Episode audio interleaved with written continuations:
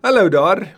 Goeiedag, goeiemiddag, goeienaand, goeiemôre. Ek weet nie waar tref hierdie jou nou nie, maar baie baie dankie dat jy ingeskakel het. Ons is met Hosea besig en ons reis het ons by die laaste hoofstuk van hierdie super kosbare boek gebring. Ek weet nie of jy gekies het om hierdie so hoe sê die Engelse te binge watch nie en of jy die reeks getrou elke week gevolg het nie. Maar hoe dit ook al sê, hierdie is die hoogtepunt wat so baie mooi aansluit by hoofstuk 11. As jy tot nou toe gekyk het, sal jy weet hoofstuk 1 tot 3 is die fokus op Hosea en sy verhouding met Gomer en hoe die Here kom sê vanuit sy huwelik dat dit 'n 'n weerspieëling is van God se verhouding met Israel en dat soos wat Gomer teenoor Hosea optree, is dit hoe Israel teenoor God optree. En dan vra die Here vir Hosea nadat sy weer ontrou was aan hom of waar sy ontrou was aan hom dat hy 'n liefdesverhouding weer met haar moet gaan aanknoop. So nie net was hy 'n losvrou aan wie hy hom gebind het, meegetrou het, 'n kind by gehad het, kinders uit die huwelik verwek is nie maar maar dat daar ook daarna hierdie hierdie sy teruggekeer na vorige minnaars toe fase in hulle huwelik was en hoe die Here dan sê maar gebind jou weer aan haar met hierdie liefdesverhouding. En dan vir hoofstuk 4 tot 11 sien ons die ontrouheid van Israel in terme van hulle verhouding met die Here. So die die lens word bietjie weggeneem van huwelik af na die ontrouheid van Israel en wat hulle gedoen het. En hoofstuk 4 tot 11 vertel dit En dan het jy daarna hierdie kort bondige opsomming van hoofstuk 4 tot 11 by wyse van hoofstuk 12 tot 14. So as jy met 12, 13 en 14 besig was, sou dit jou die hele liewe tyd terugneem na hoofstuk 4 tot 11. En ja, ons eindig nou met hoofstuk 14. Die hoogtepunt as dit ware van hierdie boek die die crescendo, die die absolute fokus en ek bid so dat wanneer ons klaar is vandag, wanneer ons hierby eindig, dat ek en jy sal terugkyk en sal sê maar nou maak die boek net soveel meer sin vir my. Nou kan ek hierdie boek vat en ek kan dit met iemand anders gaan deel. Dis meer as net enkele grepe. Dis 'n geheelbeeld waarmee ek met ander mense by kan gaan sit. So mag dit ook so wees vandag. Kom ons vra dat die Here dit sal doen. Vader baie baie dankie vir u woord en vir u getrouheid deur al die tye heen, ook in hierdie oomblik en in hierdie dag. Mag wat ons hier lees vandag nie net vir ons inligting wees nie, maar juis vir ons verandering, vir ons vorming na u toe in Jesus se naam. Amen. In hoofstuk 13 het ons God se se oproep vir Israel tot bekering weer gesien wanneer die Here sê maar maar hulle wil nie luister nie en daarom is daar 'n geweldige einde wat vir hulle wag. Wil hoofstuk 13 eindig met met hierdie hele julle gaan julle skatte verloor. Alles wat vir julle bekend was, gaan julle verloor. Julle gaan julle land verloor, julle gaan julle koning verloor. Julle gaan niks hê nie. En hoofstuk 14 vers 1 wat ons nou gaan lees, word in baie ander vertalings, veral Engelse vertalings, gekoppel by hoofstuk 13. So hulle eindig hoofstuk 13 met hierdie laaste vers. Ons het dit wel in ons teks vir vandag dat dit deel is van hoofstuk 14. So dit bou eintlik 'n brug vanuit die voorafgaande na wat wag. Ek lees graag vir ons vers 1. Samaria sal boet. Samaria natuurlik die hoofstad van Efraim, Efraim die groot stam in die Noordryk, die Noordryk bekend as Israel. So wanneer daar na Samaria of Efraim of Israel verwys word, natuurlik elke keer die Noordryk, net die 10 stamme. Samaria sal boet want hy is in opstand teen sy God. So onthou weer mooi, dit is in verbinding met die voorafgaande. Die man sal met die swaard doodgesteek word, die klein kindertjie sal verpletter word en die swanger vrouens sal oopgesny word. 'n verskriklike weldadige toneel. En die Here kom sê iets van die dit wat wag is natuurlik die oorneem van die Assiriërs.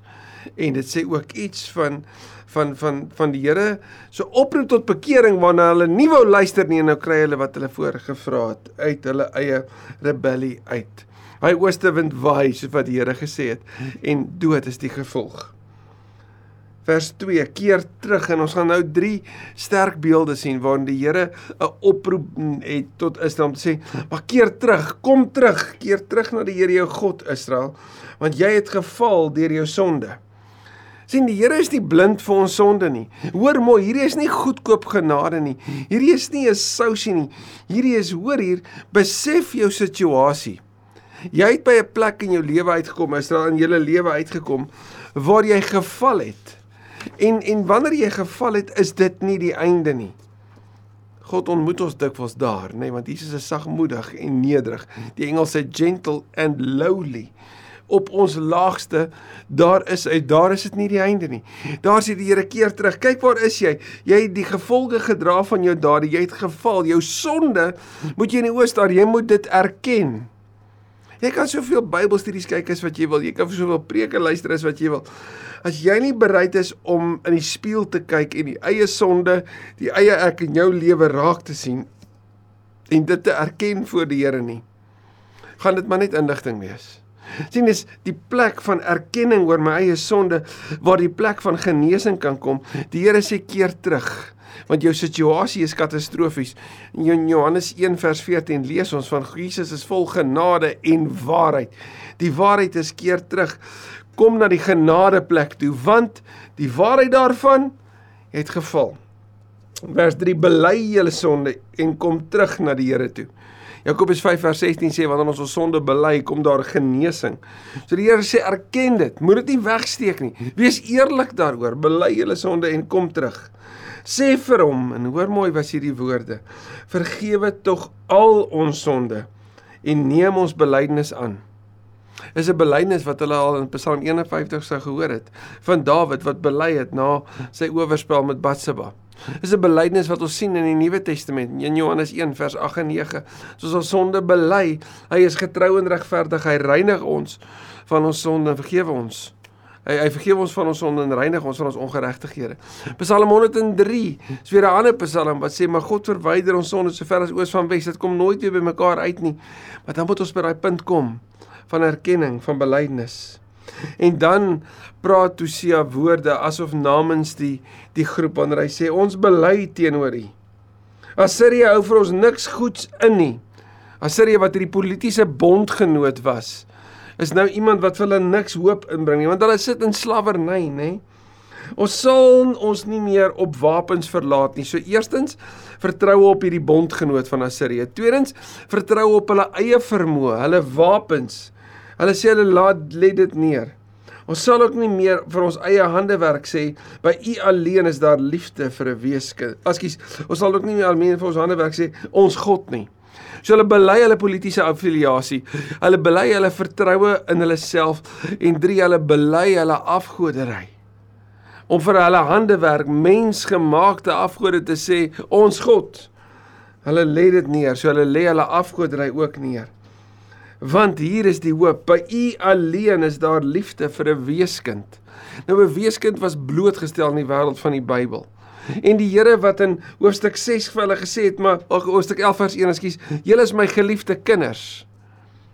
Is die Here vir wie hulle nou sê, maar by u is daar liefde vir 'n weeskind, selfs die uitgeworpenes. Kry die boodskap van op. Hoor jy hoe mooi is dit in die wêreld van die Ou Testament? Daarom ook dat Jesus dit kom aankondig, hierdie hierdie nuwe lewe, hierdie goeie nuus Lukas 4.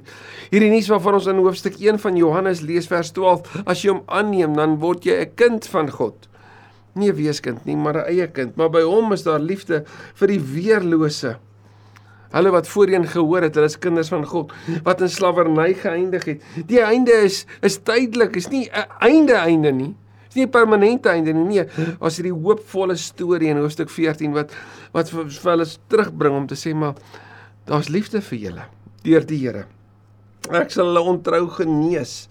Ek sal hulle van harte lief hê. Hoor jy wat sê die Here hierin? Net soos wat Hosea hom moes bind aan hierdie vrou. Kom sê die Here, maar dis wat ek aan julle doen. Ek sal hulle ontrou genees. Hierdie ontrouheid wat hulle teenoor my gehad het, wat soos 'n wond wat hulle toegedien is, uh, funksioneer dit in hulle lewe. Ek gaan dit gesond maak. God se vergifnis is volledige herstel. Dis genesing. En dan sê die Here, ek sal hulle van harte lief hê. Net soos wat hy vir Hosea gesê het, gaan knoop weer 'n liefdesverhouding aan. Sê die Here nie ek gaan hulle halfhartig lief hê nie. Hoor jy dit? Ek gaan hulle van harte lief hê. Miskielik as ons hierdie so lees, dan maak hoofstuk 1 tot 3 sin, nie waar nie? Wanneer my toren van hom afgewend is. Soos wat die Here in hoofstuk 11 gesê het, maar hy gaan sy toren in bedwang bring. So sê die Here, maar ek gaan hom van harte lief hê. En ons sien dit daarom in die kruis. Wanneer God die prys volledig in ons plek betaal, kan Jesus sê, vergeef hulle want hulle weet nie wat hulle doen nie. Daarom kyk die Here van daar af deur die kruis na jou en my. Daarom beleef ons volledige liefde ten spyte van ons eie onvermoë. Oor hom wat sy toorn gewreek het aan die kruis. Hy sal bloei soos 'n lelie en hy sal so vas staan soos die Libanon, net soos wat hoofstuk 11 ook geëindig het. Sê die Here, daar's 'n hoopvolle einde wanneer my toorn afgewend word, sal ek vir Israel wees soos die dou Ek wil daai dou van hoofstuk ehm wat ons lees van hoofstuk 12 en van hoofstuk 6 wat wat verwys na Israel se aan die een kant hoofstuk 6 het dit verwys na na Israel se se halfhartige verbintenis aan die Here wat dit vinnig verdwyn en hoofstuk 12 wat die Here kom sê maar soos wat die dou verdwyn so gaan julle verdwyn.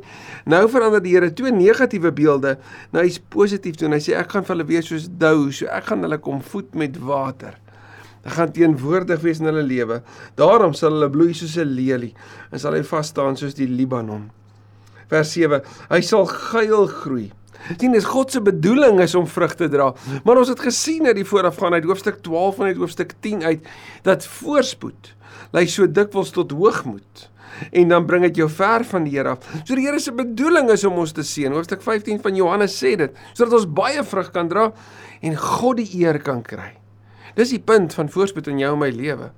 Is nie sodat ons hoogmoedig na onsself kan kyk en sê kyk wat het ek alles bereik nie, maar inteendeel om te sê kyk wie die Here is. Hoe kan ek deur my seëninge 'n seën vir ander wees en aan hom die eer bring? Hy sal geil groei. Hy sal so sterk wees soos 'n olyfboom en hy sal ryk soos die plante van die Libanon. So hy sal sigbaar wees vir almal. En onthou jy vroeër in Hosea die Here gesê toe ek na Israel gekyk het, daar in Eksodus uital, het ek gesien was 'n potensiaal in hom sit. So vir hierdie donker situasie wat Israel binne gaan van slawerny, kom sê die Here, lig jou oë op en sien my groter prentjie, my langtermyn prentjie. Ek eindig nie vas hier in hierdie donker tyd waar jy die gevolge van jou dade dra nie. Daar's steeds die hoop van herstel, van nuwe lewe. Keer terug na my toe. Die wat vroeër voorheen by die Libanon gewoon het, sal terugkom. Hulle sal weer koring verbou. Hulle sal welig groei soos 'n wingerdstok. Die roem van Israel soos we, sal wees soos die wyn van die Libanon. Ander woorde, dit sal verander, beskikbaar en sigbaar wees. Ephraim, ek wil niks te maak hê met afgodsbeelde nie. So daar's nie tyd vir vir die Here en iemand anders nie. Die Here sê ek wil niks te doen hê met julle afgodsbeelde nie. So laat staan dit, los dit agter. Eksodus 20: Naas my staan geen ander god wat julle kan dien nie. Openbaring 2 vir die gemeente in Efese. Ek wil hê dat julle my moet lief hê soos in die begin. So keer terug en doen wat julle in die begin gedoen het. Ek het jou verneder, maar ek sal jou weer onder my sorg neem. Jy is verneder. Jy is op 'n plek waarin waarin jy jy beleef dat jy niks meer roem op jou nie, maar weet jy wat? Ek het jou nie afgeskryf nie. Ek skryf my storie en ek bring jou weer onder my sorg in. So God se werk agter die skerms bly die enigste hoop wat ek en jy het. Ek is soos 'n groen sipres vir almal om te sien, teken van lewe en hoop. Alles wat jy het, sal van my afkom. En die belangrike hiervan net in die voorafgaande van die afgode wat die Here sê ek het niks met hulle te maak nie. Die Here kom sê daarin onthou ek is die Here wat die vrugbaarheid gee. Ek is die Here wat die lewe bring. Ek is die Here wat ook nou die herstel bring. So gee aan my die erkenning, gee aan my die eer. Keer terug en dien my. Moenie aan die afgode die erkenning gee vir iets wat ek vir julle gegee het nie. Moenie na ander minnaars toe draai en jouself aan hulle verlaat as ek die een is wat dit vir jou alles in staat stel om te kan doen en te beleef nie. Erken my daarin. In die Hebreëus hierin kom sê die Here baie interessant die twee afgode van die van die van die ehm um, van die van Israeliete in daai tyd. Spreek word in die Hebreëus amper so half aangehaal om te sê ek is nie soos hulle nie. Julle het julleself voor Asherah en en die smeer het julle julleself voor gebuig. Ek is nie soos hulle nie. Keer terug en wees lojaal teenoor my. Dien my. En dan die die naskrif wat so 'n ander tipe skrywe is as wat die res van die teks tot nou toe was. Maar asof toe Hosea deur hierdie laaste vers iets kom sê van maar hoor nou mooi. Jy het nou die storie gehoor. Jy het hierdie gedigte gelees. Jy het die verhaal beleef. Jy het gehoor wat lê voor. Maar hoor nou mooi wat sê die Here ook vir jou. Israel vir jou, maar ook vir jou en my as leser. Wie wysheid het, in Psalm 1 beskryf hierdie so mooi. Wie wysheid het, sal op hierdie woorde agslaan. Wie verstandig is, sal dit ter harte neem, want wat die Here doen is reg. Die regverdiges lewe daarvolgens. So hulle kies vir die lewe en hulle beleef dit. En die opstandiges kom daardeur tot 'n val. So daar's twee tipes lewens. Twee tipes lewens en gaan lees maar in Deuteronomium 8 vers 16 vers 12 en 32 vers 4 vir meer hieroor. Ons het begin deur te sê Hosea 'n liefdesbrief. Maar kan jy dit sien? 'n Liefdesbrief waarin die Here hom bind aan die vrou wat dit nie verdien nie. Waarin die Here haar innooi waarin die Here vir haar sê, "Maar hier is my liefde, ek ek bring my toorn bedwang. Ek wil vir jou omgee. Ek wil jou lei na lewe toe." Maar as jy gaan kies om nie deel daarvan te wees nie, sal jy die gevolge daarvan dra. 'n Liefdesbrief wat sê, "Maar as jy kies vir my, is daar lewe en hoop, want die regverdiges, hulle wat geregverdig is, hulle lewe en hulle lewe daar volgens as rigsnoer. Net soos die wyse man van Psalm 1 wat 'n boom soos 'n boom is by waterstrome wat op die regte tye vrug dra. Is daar vrug en seën op hulle wat lewe volgens die wil van die Here. Want hulle lewe is nie 'n seën vir hulle nie, maar vir ander. Hoor die woord van die Here vir jou en my vandag. Dankie Here Jesus vir hierdie ontsettende voorreg om iets van die Nuwe Testament ook te sien uit hierdie kosbare boek. Dankie Heilige Gees dat U ons vir 14 weke, 14 geleenthede gelei het deur hierdie woord om al hoe meer te ontdek hoe lief U hierdie wêreld het en hoe katastrofies dit is wanneer ons ons rug op U draai en aan ander erkenning gee wat eintlik die erkenning is wat net na U toe moet kom. Hoe sleg dit is wanneer ons ons eie wil volg en verlore raak. Maar hoe goed die evangelie regtig is dat U nie U rug op ons draai nie. Dankie vir hierdie dag, vir hierdie oomblik en vir hierdie boek. Mag U Here ook dit wat U in ons lewe kom plant het en kom plaas het, ook deur ons lewe gebruik vir die seën van ander, maar meer nog vir die uitbreiding van U koninkryk en die verheerliking van U naam. Bid dit in Jesus se naam. Amen. Amen. Ek hoop jy het 'n besondere mooi dag. Ons volgende boek hou 'n klomp nuwe verwagtinge en uitdagings aan. Ek hoop jy sluit by ons aan wanneer ons by die boek van Rit stil staan.